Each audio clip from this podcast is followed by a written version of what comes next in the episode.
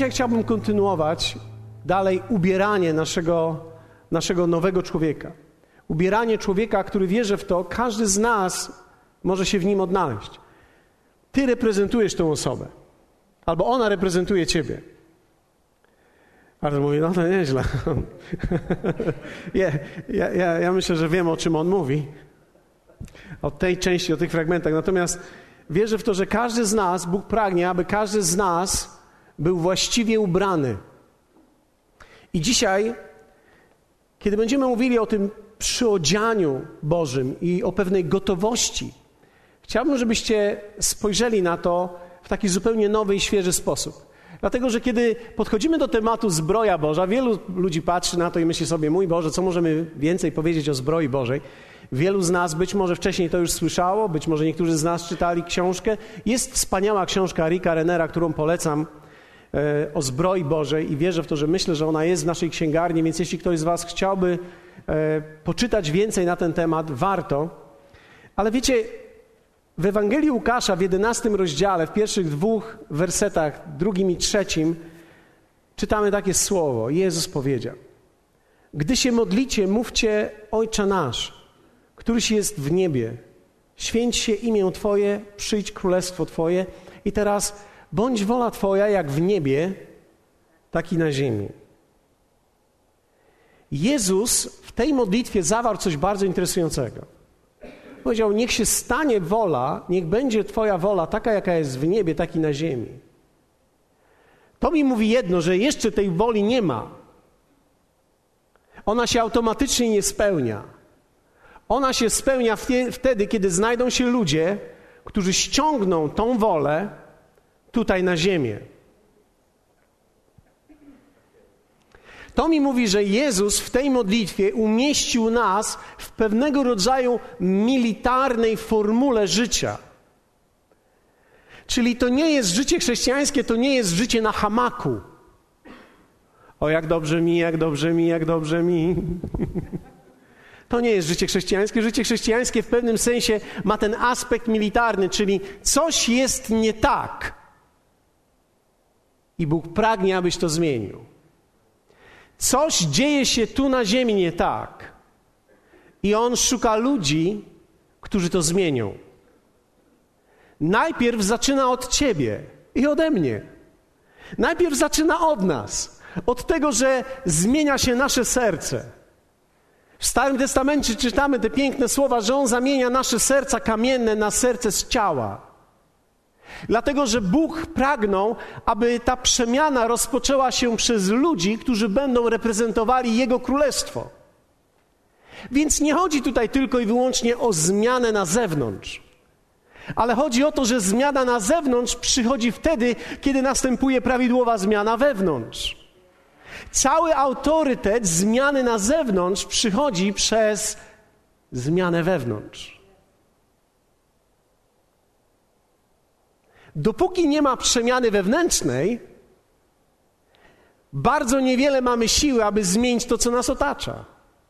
Dopóki ja się nie zmieniłem jako mąż, nie mam zbyt wiele szansy, żeby zmienić moje małżeństwo.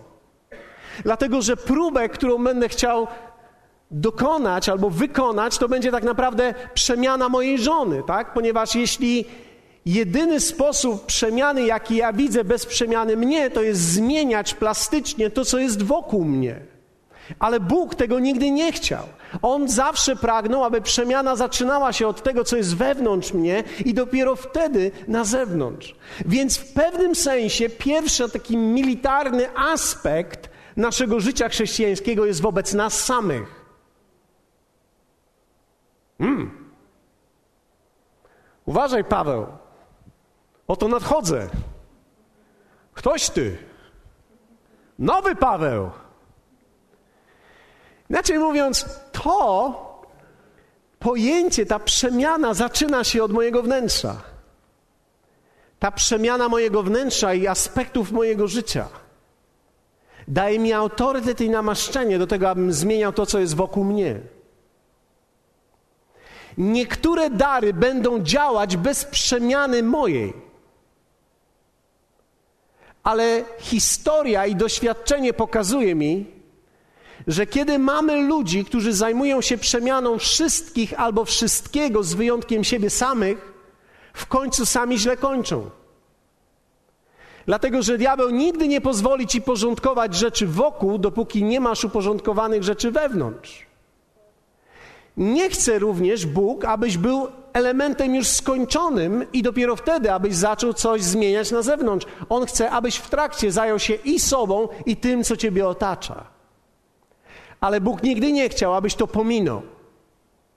Więc kiedy mówimy tak naprawdę o przyodzianiu się, wierzę w to, że Bóg, że Jezus przyszedł i On, to, to było Jego wielkie pragnienie, aby uczynić ludzi aby uczynić człowieka, aby stworzyć lud, który będzie w stanie wziąć autorytet nad swoim własnym życiem i kiedy sami będą w poziomie wyzwolenia, będą mogli wyzwalać innych ludzi.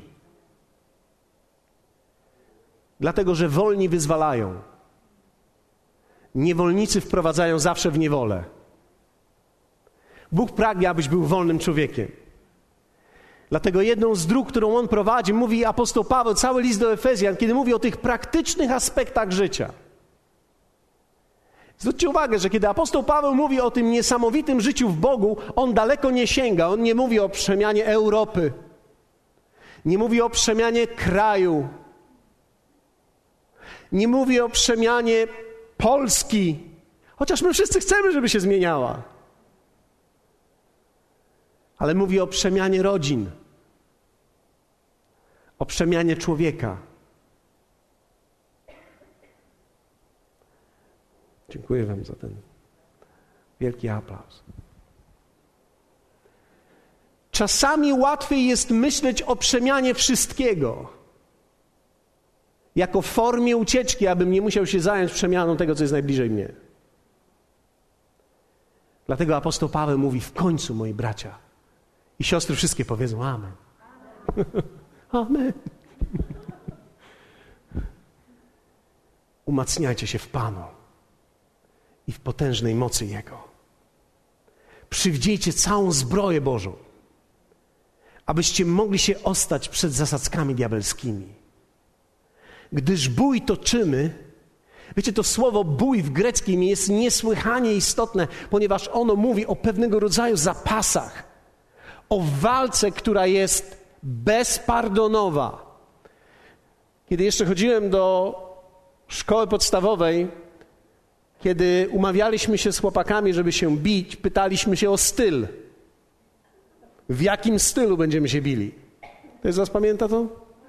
Nie, tylko ja pamiętam? Ha, po, pomału jestem tu prawie najstarszy.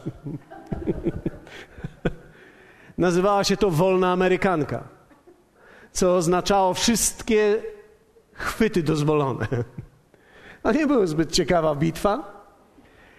Ale apostoł Paweł mówi, gdyż bój, czy ten bój to jest właśnie wolna Amerykanka, czyli ten, który z tobą walczy, nie będzie walczył czysto. Ponieważ jemu nie chodzi o to, żeby zwyciężyć tylko w, z klasą. Jemu zależy, żeby ciebie zniszczyć, żeby ciebie pokonać.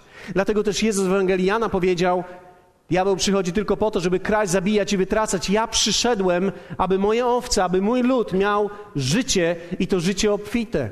Gdyż bój toczymy nie z krwią i z ciałem, lecz z nadziemskimi władzami, ze zwierzchnościami i z władcami tego świata ciemności, ze złymi duchami w okręgach niebieskich. Dlatego weźcie całą zbroję Bożą. Powiedzmy całą zbroję. Musisz być cały ubrany i kiedy mowa jest o tym ubiorze, wiecie, ubiór miał ogromne znaczenie zarówno w, w, czasach Starego, jak i Nowego Testamentu. Za chwilę do tego dojdę, ale zobaczcie, weźcie całą zbroję Bożą, abyście mogli stawić opór w dniu złym. Tu mamy greckie słowo kryzys, czyli tak naprawdę to, jak jesteś przyodziany i ubrany, zależy, będzie wy, wypróbowane w dniu kryzysu. Kiedy będzie zły moment, wtedy będzie wypróbowane to, jak jesteś przyodziany. My dopiero ubieramy, jest on w części ubrany. W zeszłym tygodniu mówiliśmy o pasie prawdy. Załóżcie pas prawdy. Powiedzieliśmy również w środę. Kto z Was oglądał w środę? Jest kilka osób. Wiecie, mieliśmy mnóstwo osób, które podłączyły się. Pas prawdy oznaczało, że znam stan i miejsce, w którym jestem, ale również znam obietnicę i z dwóch stron zapinam ją na sobie. To jest prawda Bożego Słowa. Czyli z jednej strony nie jestem wzgardzony tym, jak jest, ani nie jestem w iluzji, jak ma być, ale łączę te dwa elementy przez wiarę. Jestem tutaj, ale idę w tą stronę. I dzisiaj zajmiemy się kolejnymi rzeczami. To jest pancerz sprawiedliwości i buty. Dzisiaj kupimy też buty. Kiedy powiedziałem wcześniej, że ubiór miał ogromne znaczenie, to dlatego, że ubiór reprezentował pewne prawdy duchowe. Więc w Starym Testamencie mamy ubiór arcykapłana. Nie będę się do tego odnosił, ale wszystkie elementy z tego ubioru arcykapłana mamy dzisiaj w Nowym Testamencie. Mamy ubiór króla. Kiedy apostoł Piotr mówi, że jesteśmy królewskim kapłaństwem, mówi o pewnym przyodzieniu, które każdy z nas ma. Mamy ubiór żołnierza w Nowym Testamencie, mamy w Starym Testamencie również ubiór żołnierza, ale mamy też ubieranie, jak i rozbieranie. Dlatego, że z jednej strony musimy się przyodziać, a z drugiej strony istnieje aspekt rozebrania się. Którzy z Was siedzą myślą sobie, wow, to jest ciekawe. Rozbieranie mnie interesuje. Powiedz coś więcej na ten temat. Okej. Okay. W Starym Testamencie, zanim arcykapłan był ubrany, to szat najpierw był rozebrany i był wystawiony, aby wszyscy ludzie mogli zobaczyć jego nagość. Tak, aby każdy człowiek mógł zobaczyć, że ten, który stoi przed Bogiem, jest taki sam jak oni. Kto z Was pamięta, że ściągnięto również szaty z Jezusa?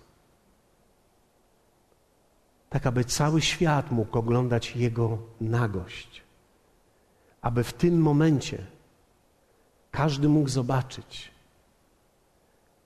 że ma on ludzki wymiar. Dlatego jeden z tekstów mówi w Nowym Testamencie: Oto człowiek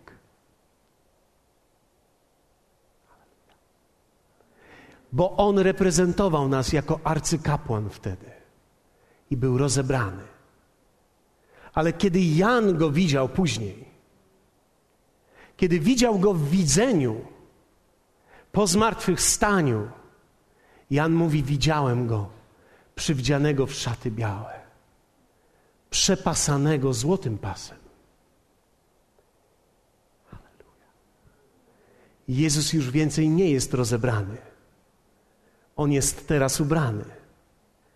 Ty również, kiedy jesteś powoływany do służby, będziesz rozebrany, abyś później mógł być ubrany. A więc ubiór mówił o, pewnej, o pewnych decyzjach. Wiecie, ubranie to jest nic innego jak decyzje, które ty i ja musimy podjąć. Więc kiedy mówimy o ubraniu, my oczywiście pokazujemy tutaj Spartakusa i zależy nam na tym, żebyśmy wszyscy pamiętali, bo my pamiętamy obrazy. Ale z drugiej strony dobrze jest, abyśmy wiedzieli, że tak naprawdę nie o obraz tu chodzi, ale o decyzję. Powiedzmy, to jest podjęcie decyzji. To jest wytrwanie w decyzji. To jest właściwa ocena rezultatów, które płyną z tych decyzji. To właśnie decyzje i trwanie w nich przesuwają nasze życie. Kościół na tyle odgrywa swoją rolę, na ile sprawia, że ludzie podejmują decyzje i trwają w nich. Siła Kościoła nie jest w zgromadzeniu tłumu, ale jest w tym, aby ludzie na podstawie słowa, które słyszą, podjęli decyzje i trwali w nich. Bo największa rzecz, którą możesz dać sobie samemu, to jest podjąć właściwe decyzje i trwać w nich do końca życia. Decyzje, które wpłyną, że będziesz stabilny, decyzje, które wpłyną na to, że będziesz budował stabilne małżeństwo, będziesz budował stabilną rodzinę, że Twoje dzieci będą chciały rozmawiać z Tobą.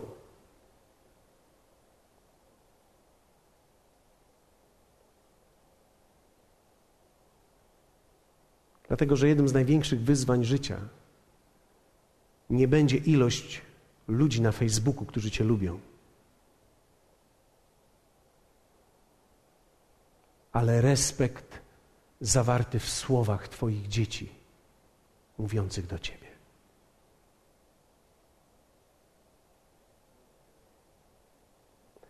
To mi mówi, że mamy do czynienia z człowiekiem, który wie, jak budować swoje życie.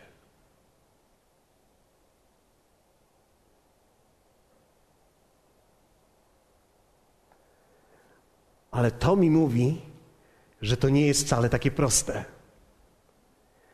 Dlatego też apostoł Paweł, kiedy pisał list do Efezjan, dał tyle praktycznych wskazówek właśnie odnośnie rodziny i budowania prawdziwego duchowego życia, które ma nasz adres. Duchowe życie nie może mieć adresu kościoła. Duchowe życie musi mieć Twój adres.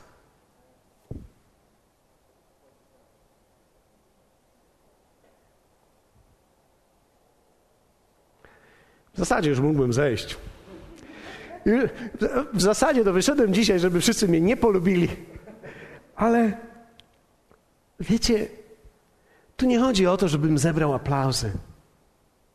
Nie chodzi o to, żebyśmy mówili: Wow, jakie było niesamowite, odlecieliśmy wszyscy. Ale abyśmy gdzieś głęboko w sercu podjęli w związku z naszym odzieniem decyzję, że się ubierzemy i będziemy w tym ubiorze trwali. Że ten pas prawdy zapnę. Ktoś z Was kiedyś ubierał pasek i zdziwił się, na którą dziurkę musi zapinać? Pamiętam, pamiętam, kiedy miałem taki moment, kiedy próbowałem schudnąć i w końcu złapałem moją dziurkę właściwą. A później wiecie, kiedy człowiek jest w tej euforii, że złapał dziurkę właściwą, trochę podjadłem i za dwa tygodnie mm, próbowałem do niej dociągnąć. I dociągnąłem, ale wiecie jak to jest. Wszystko wychodzi ci z tej strony. Jest tak niewygodnie. I czekasz tylko na moment, kiedy się rozepniesz. Jeszcze raz powiedzmy słowo decyzje. Duchowe życie Duchowe życie, nie musicie powtarzać, duchowe życie, moja żona jest bardzo gorliwa, rozumiecie mnie? Ducho, jest bardzo posłuszną żoną. Ducho, duchowe życie to są decyzje. Duchowe życie to jest, to jest decyzje i trwanie w nich. To jest ubiór, który sprawia, że tak naprawdę buduję stabilne życie i jestem w stanie pokonać wroga. Zatem, kiedy mówimy o pancerzu sprawiedliwości. Kiedy mówimy o butach, mówimy o dwóch bardzo interesujących miejscach zakrycia. Pancerz sprawiedliwości był ciekawy, ważył około 20 kg. Ale zakrywał bardzo ważną część. Także ktokolwiek próbował uderzyć w ciebie, Twoja, twój pancerz chronił Ciebie. On był przedłużony, był spleciony tutaj w tym miejscu i na pewnych kołach trzymał również tylną część. Pancerz Goliata ważył 65 kg. To jest ciekawe, żeby wiedzieć o tym. Normalny człowiek nosił ze 20, a on ważył 65 kg. Sam jego pancerz. Ten pancerz mówił o czymś bardzo ważnym, ale buty również mówią o czymś bardzo ważnym. To są decyzje, które podejmujemy. Decyzje związane z pancerzami są tak naprawdę praktycznie dwie.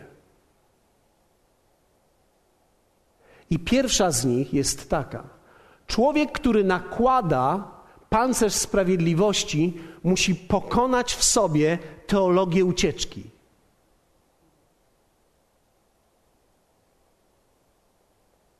Wiecie, jest wielka różnica chodzić w szlafroku, a chodzić w pancerzu. Kiedy ktoś nakłada pancerz, oznacza, że jest gotowy do walki. To oznacza, że jest gotowy w swoim życiu. Rusza w pewną stronę konfliktu.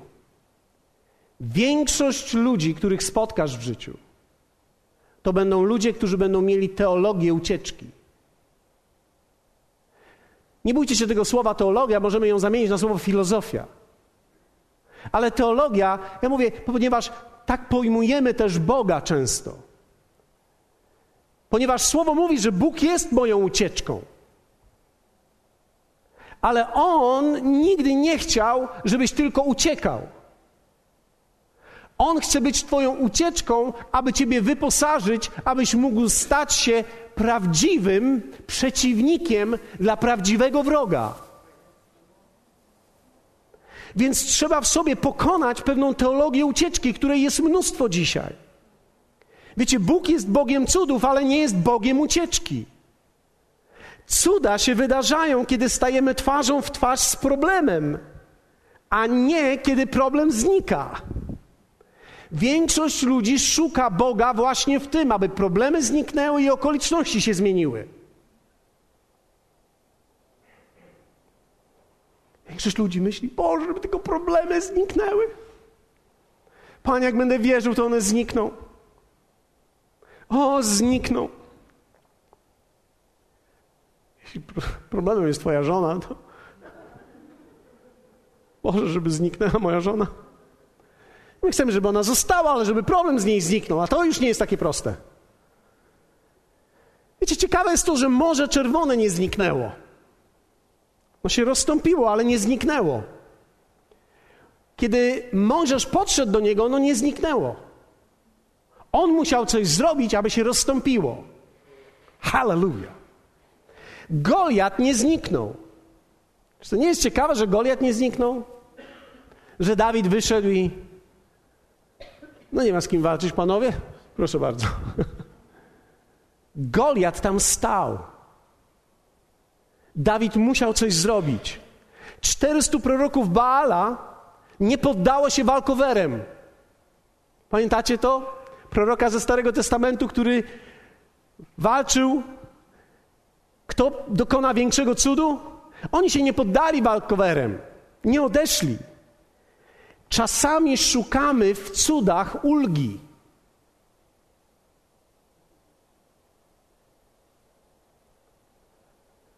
Szukanie ulgi i uwolnienia od czegoś to są czary i wygoda.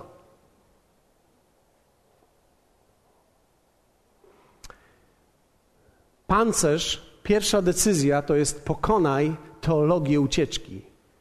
Nie chciej uciekać ze swojego życia. Zapragnij być wyposażonym, żeby stanąć oko w oko z problemem. Nie zamykaj drzwi przed dzieckiem.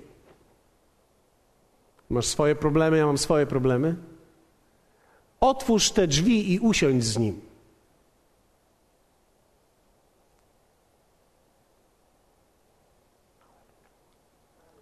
Jesteście ze mną? Zanim przychodzi cud, Bóg często daje nam instrukcje. Często wybiera coś małego, aby nas poprowadzić w wierze. Często ludzie modlą się o zmianę okoliczności w życiu, kiedy jednak naprawdę Bóg planuje dokonać naszej przemiany. I dokładnie tak jest. Zanim rzeczy się zmieniają, ty się zmieniasz. I to wymaga stanięcia przeciwko problemom oko w oko. Trzeba wziąć ten pancerz i powiedzieć: Ja się z tym zmierzę. Zmierzę się z moimi długami. Zmierzę się z moim gniewem. Zmierzę się z moją niewiarą. Zmierzę się z moją konfliktowością. Jestem człowiekiem, który ciągle się kłóci. Zmierzę się z moimi niepohamowanymi emocjami. Zmierzę się z tym. Halleluja. Powiedzmy razem: zmierzę się. Zmierzę się z moimi nałogami. Wiecie, niektórzy ludzie mają cud, jeśli chodzi o nałogi. Niektórzy ludzie przychodzą i mówią: Pan mnie uwolnił od papierosów. I niektórzy myślą, wow, Pan uwalnia od papierosów, to ja też bym chciał, żeby Pan mnie uwolnił od papierosów. Tymczasem Pan nie uwalnia cię od papierosów. Nie, że Pan cię nie uwalnia, On chce, abyś poszedł tą drogą i pokonał ten nauk. Bo On daje ci wyposażenie, abyś mógł to zrobić. Nie można mieć paczki papierosów z tyłu i modlić się, Panie, uwolnij mnie od palenia. bo może ten cud nadejdzie, ale wcale niekoniecznie. Pokonaj teologię ucieczki z małżeństwa.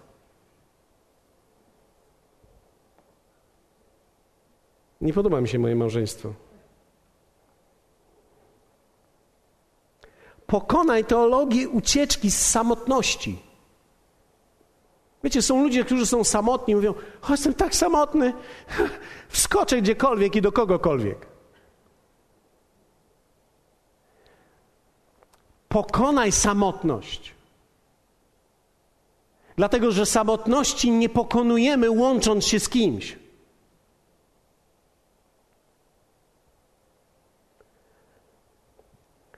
Pokonaj teologię ucieczki z pracy. No, ta praca mi teraz nie pasuje, to wezmę inną pracę, ta może będzie mi pasowała, później inną pracę. Nie można uciekać całe życie ze szkoły. Uciekać ze szkoły. o, boli mnie głowa, chyba nie pójdę na klasówkę. O, naprawdę mnie boli. Od samego myślenia mnie boli. I wtedy myślisz, Boże, modlę się, Panie, przecież mam Jezusa. Jezus na pewno zrobi wszystko, żeby moja nauczycielka zachorowała i nie przyszła.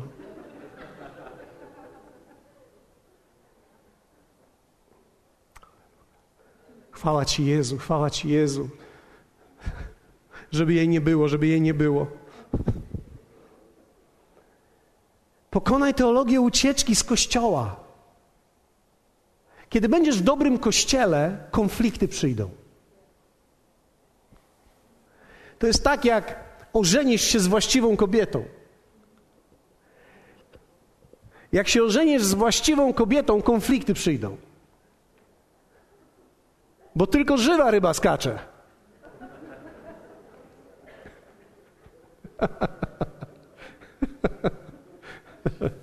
Jak poślubisz martwą, niektórzy z Was mówią, nie, nie mam żadnych problemów z moją kobietą. Sprawdź, czy ona żyje.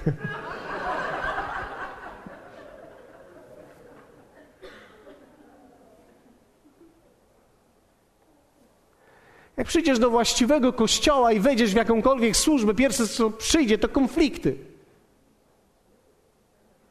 rozczarowania, smutek cię ogarnie. I wtedy powiesz: Boże, ja miałem mieć radość Pana, ja mam więcej smutku niż radości. Więcej radości mają ci, którzy nie są zaangażowani. Bóg chce, żebyś stanął oko w oko z tym, abyś się przyodział. W Biblii mamy jednego nagiego, który uciekał. W Ewangelii Jana jest nagi, który uciekał.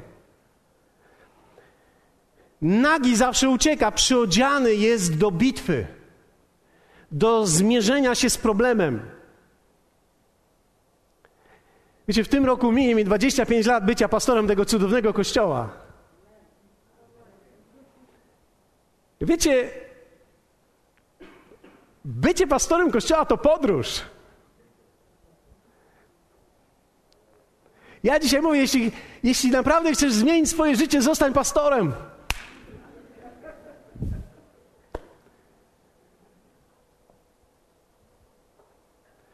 Dlatego, że będziesz miał mnóstwo okazji do tego, żeby powiedzieć: Nie, dziękuję już. A ja myślałem, że jak będę służył ludziom, to oni będą mnie w czoło całować i będą cieszyć się, że im służę. No nie, bo jeśli będziesz chciał służyć ludziom, to będziesz musiał włożyć ręce w glinę. I w środku dokonywać operacji. Jak się nazywają te instrumenty, które dzisiaj wkładają do środka, żeby dokonywać tych operacji? Laparoskopia. Czasami, wiecie, kazania czasami są takie. Wkładamy narzędzia i laparoskopia.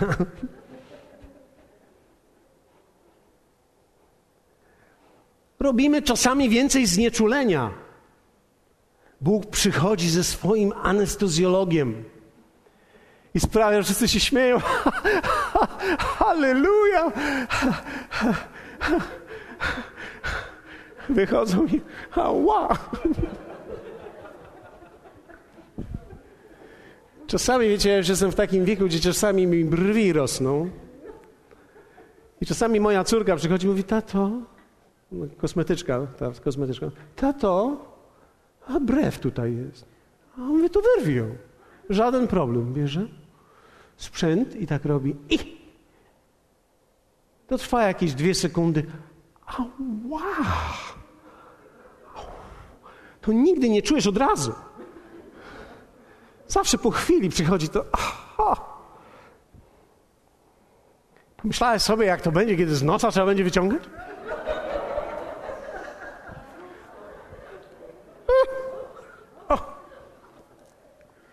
Trzeba pokonać pokonać teologię ucieczki, to oznacza, że się ubieram po to, żeby nie uciekać, ale po to, żeby się z tym zmierzyć.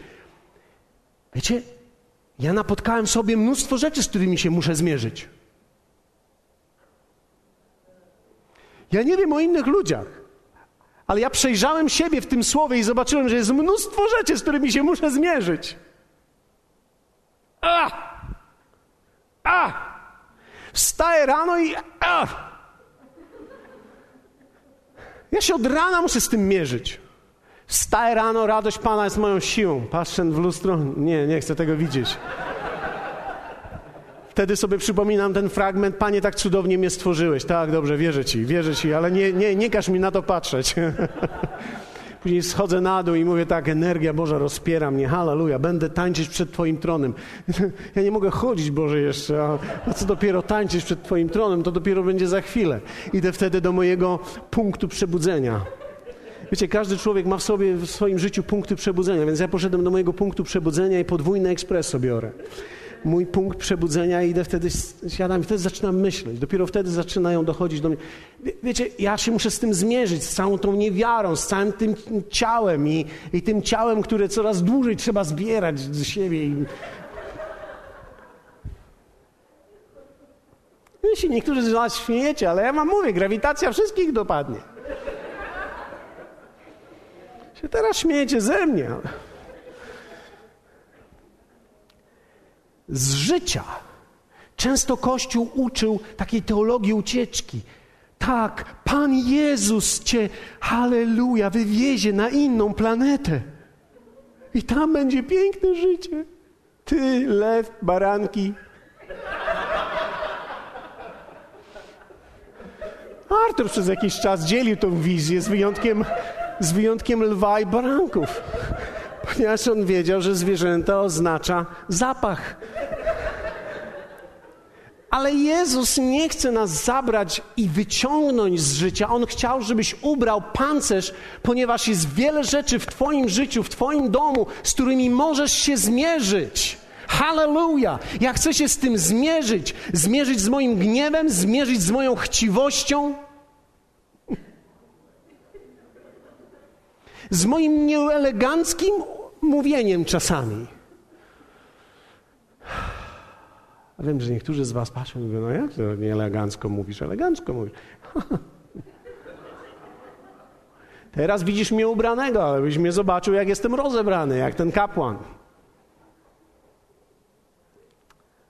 Czasami wymsknie się coś. Ja nie mówię przekleństwa, po prostu w złym tonie. Bo ktoś z was siedzi i mówi, no ja cię rozumiem, też przeklinam jak szewc. No to mnie nie rozumiesz. Ja o tym nie mówię.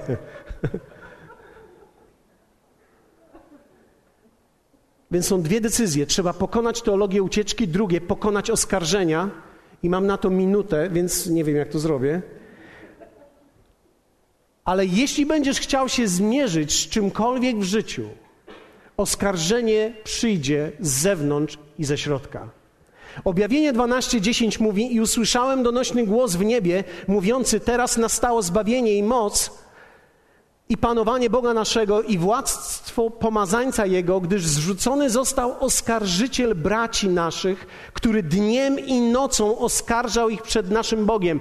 Dniem i nocą oskarżał. Diabeł był tym, który oskarżał ludzi od samego początku. On był oskarżeniem i w dalszym ciągu jest oskarżycielem. Diabeł oskarżał i dalej oskarża i wierzących, i niewierzących. Nawet jeśli jesteś niewierzący, to jesteś oskarżany w środku przez diabła. Tylko wierzący ma możliwość ochronić się, a niewierzący nie. Pamiętam, zanim nałożyłem ten pancerz sprawiedliwości, ponieważ Biblia mówi o pancerzu sprawiedliwości, czyli Jezus umarł za wszystkie moje grzechy i On mnie nie potępia. Bóg Ojciec nie potępia mnie, więc ja mogę chodzić w czystości i w sprawiedliwości przed Nim. Ale zanim to przyodziałem, to pamiętam moje lata, kiedy się nawróciłem, chodziłem do spowiedzi codziennie. Jeśli ten ksiądz mnie teraz słucha, przepraszam cię, bo to jest możliwe.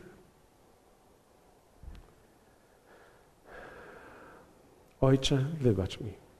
Chodziłem codziennie. On, jak mnie widział już za kratek, to robił tak. No, słucham. A ja klękałem. Zanim, zanim wypowiedziałem całość, to był taki wspaniały ksiądz. Zanim powiedziałem całość, on mówi: Mów mi od razu już. Oszczędź sobie całą tą regułkę. Ostatni raz o spowiedzi byłem. Ja szedłem całą regułką od początku do końca, więc on czekał, aż ja aż w końcu powiedział, no mów mi od razu już o co chodzi. I ja mówię, wiesz, no ja, i, i on, już dobrze. A ja mówię, jeszcze nie skończyłem. Ja wiem już, wszystko już wiem. Idź już. Ja wstawałem wtedy i pamiętam, był taki jeden moment, wyszedłem z kościoła i coś źle pomyślałem. I mówię, zaraz wrócę.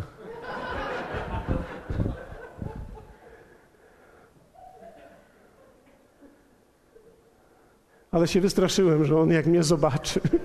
Pomyślałem sobie, jutro i tak przyjdę, bo na pewno do jutra dogrzeszę. No przecież niemożliwe, żebym wytrzymał dłużej niż jeden dzień, więc dogrzeszę do jutra i przyjdę już z całym pakietem jutro. Tylko żebym tylko nie zapomniał. Dlaczego? Ponieważ ciągle słyszałem w sobie oskarżenia.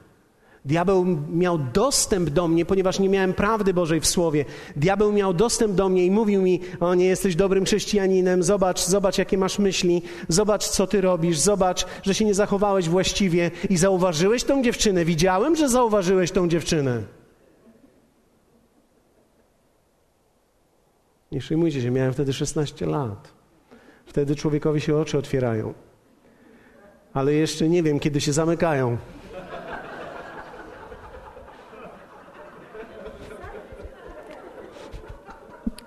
Jak dojdę do tego wieku, to wam powiem.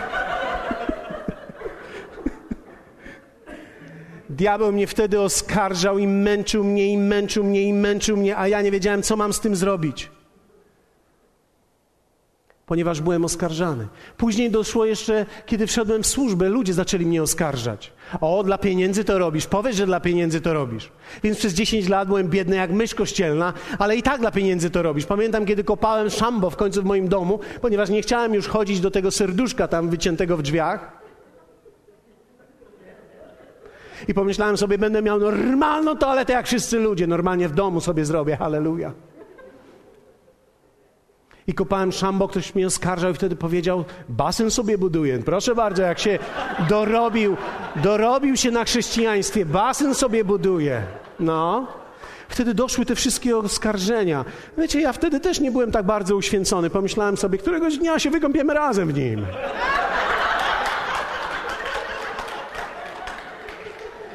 Te oskarżenia, które słyszałem, one nigdy nie były pytaniem, one zawsze są wyrokiem. To są oskarżenia ludzi, którzy są na zewnątrz, ale również ludzi, którzy są wewnątrz. Są oskarżenia braci, którzy też nie rozumieją i to się zdarza. Więc sam siebie oskarżałem, ludzie mnie oskarżali, w duchu słyszałem oskarżenia. Mój Boże, non-stop oskarżenia. Oskarżenia są sygnałem, że idziesz we właściwą stronę. Dlatego człowiek, który idzie i zaczyna iść za Panem, idzie za Bogiem, zaczyna słyszeć te oskarżenia i potrzebujesz tej niesamowitej, niesamowitego pancerza, który ciebie ochroni, całe twoje wnętrze. List do Rzymian mówi: Któż będzie oskarżał wybranych Bożych? Przecież Bóg usprawiedliwia. Któż będzie potępiał? Jezus Chrystus, który umarł, więcej zmartwychwstał, który jest po prawicy Boga, ten przecież wstawia się za nami. Ty i ja dzisiaj mamy ten przywilej, że Bóg nie tylko nas os nie oskarża, ale Jezus za nami się wstawia. On nie patrzy na ciebie jak ten Przemiły, wspaniały ksiądz patrzył na mnie. On patrzy na ciebie, wierząc, że to, co umieścił w tobie, dokończy i będziesz nie tylko dzieckiem, ale staniesz się synem Boga żywego, który będzie w stanie zapanować nad tym wszystkim, co jest wewnątrz ciebie, jak również nad tym, co jest wokół ciebie. I ostatnie, musimy pokonać pasywność. To są buty. Biblia mówi o butach, o obuwiu. One było sznurowane. Bardzo długo sznurowało się tamte buty. Wiecie, ale w życiu człowiek napotka się na taką chęć bycia zajętym sobą. Nie mam czasu dla innych. A przecież nie mam czasu. Wiecie, są ludzie, którzy nawet gdy się nawracają, są zakochani w sobie i w swoim błogosławieństwie. O, Pan mi teraz błogosławi. Halleluja. Ja się cieszę, kiedy Bóg ludziom błogosławi. Ja tylko nie za bardzo się cieszę reklamą tego typu. Ponieważ czasami wydaje mi się, że musimy umieć rozpoznać, że jest wielka różnica pomiędzy świadectwem a reklamą. Świadectwo przyciągnie ludzi do ciebie, reklama odepchnie. Możemy być zakochani w swoim błogosławieństwie, albo możemy być zakochani w swoich niemożliwościach. No ja nic nie mogę zrobić, bo ja nic nie mam.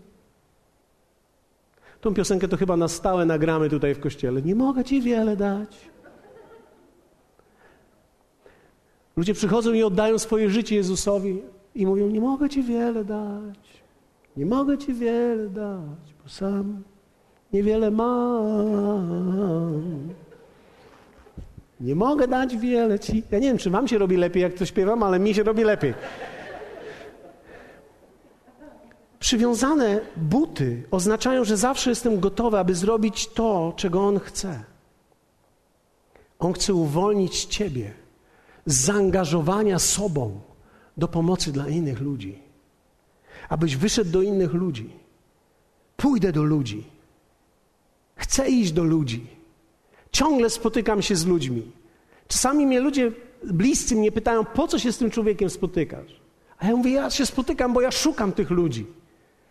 Ale nie wiadomo, co z niego będzie. No właśnie, nie wiadomo, może będzie. Może coś z niego będzie. Zaproszę przyjaciela. Możesz mieć takie myśli, pomogę komuś z pracy. Zaangażuję się, aby sięgnąć jak najwięcej ludzi dla Pana. Dlatego, że wiecie, można dojść w chrześcijaństwie do takiego miejsca, gdzie człowiek nigdy nie jest gotowy. Posłuchajcie takiej historii człowieka i poproszę zespół, aby podszedł do przodu tutaj. To będzie przynajmniej znakiem nadziei dla wszystkich. Są ludzie, którzy nigdy nie będą gotowi. Ponieważ są ludzie, którzy mówią: A teraz mam szkołę, a, a teraz mam maturę w tym roku. Jestem naprawdę zaangażowany, teraz mam maturę. Ale wiecie, ja miałem 16 lat, kiedy się nawróciłem. Zmiany w życiu innych ludzi nie dokonują ludzi, którzy mają czas, tylko dokonują ludzi, którzy mają miłość i pragnienie. I te buty oznaczają chęć, gotowość wyjścia z Ewangelią pokoju do innych. A więc mam teraz szkołę, a ktoś może powiedzieć, teraz mam maturę, a teraz mam egzaminy akurat. A teraz mam nową pracę. No przecież już po studiach jestem, teraz nową pracę zaczynam. Po pewnym czasie, a teraz straciłem właśnie pracę. A teraz szukam nowej pracy, już też nie mam czasu. No a teraz już jestem w ciąży.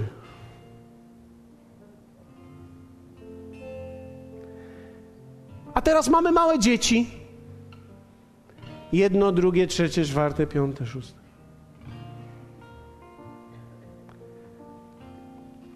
A teraz mamy już firmę. Boże, jeszcze chwilę, jeszcze teraz też nie mam czasu. Ja się rozkręcam w życiu.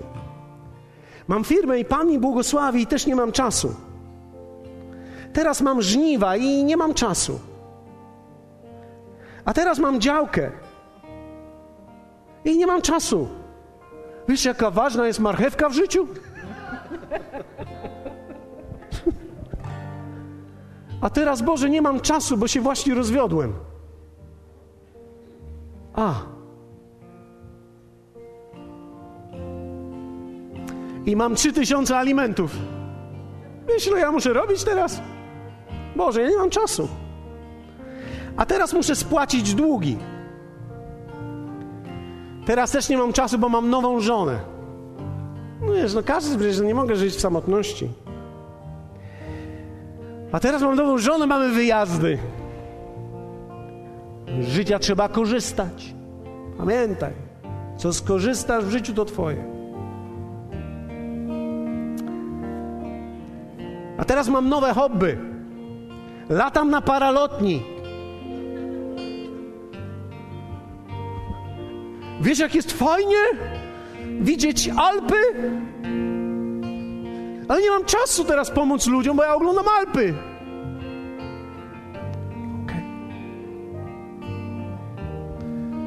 Zostałem morsem.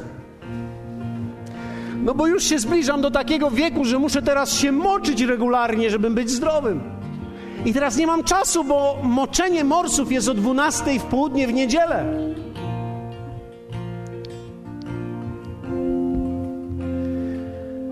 No i chciałbym się przytulić do kogoś. A teraz jestem na emeryturze. Wiesz, jak na emeryturze nie ma czasu?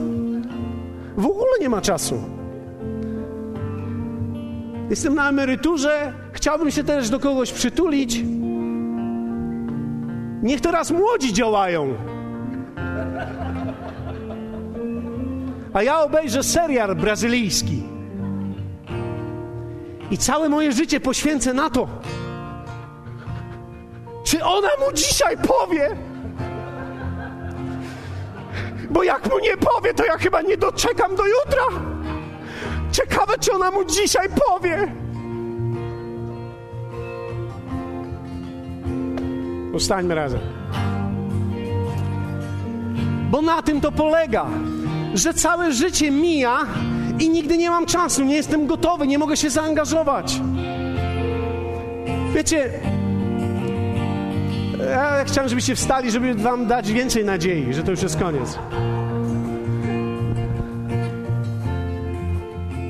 Możesz kogoś zaprosić na kurs Życie warte życia. Możesz zaprosić kogoś na alfę młodzieżową, ale trzeba mieć czas. Można zaprosić kogoś za tydzień do kościoła, ale trzeba mieć czas. Możesz zaprosić kogoś, nawet gdy oglądasz nas teraz online, możesz powiedzieć komuś, żeby się dołączył do nas za tydzień i możecie o tym rozmawiać, co będziesz słyszał. Myślę, że wszyscy mogą zrobić coś. Każdy z nas może zrobić coś.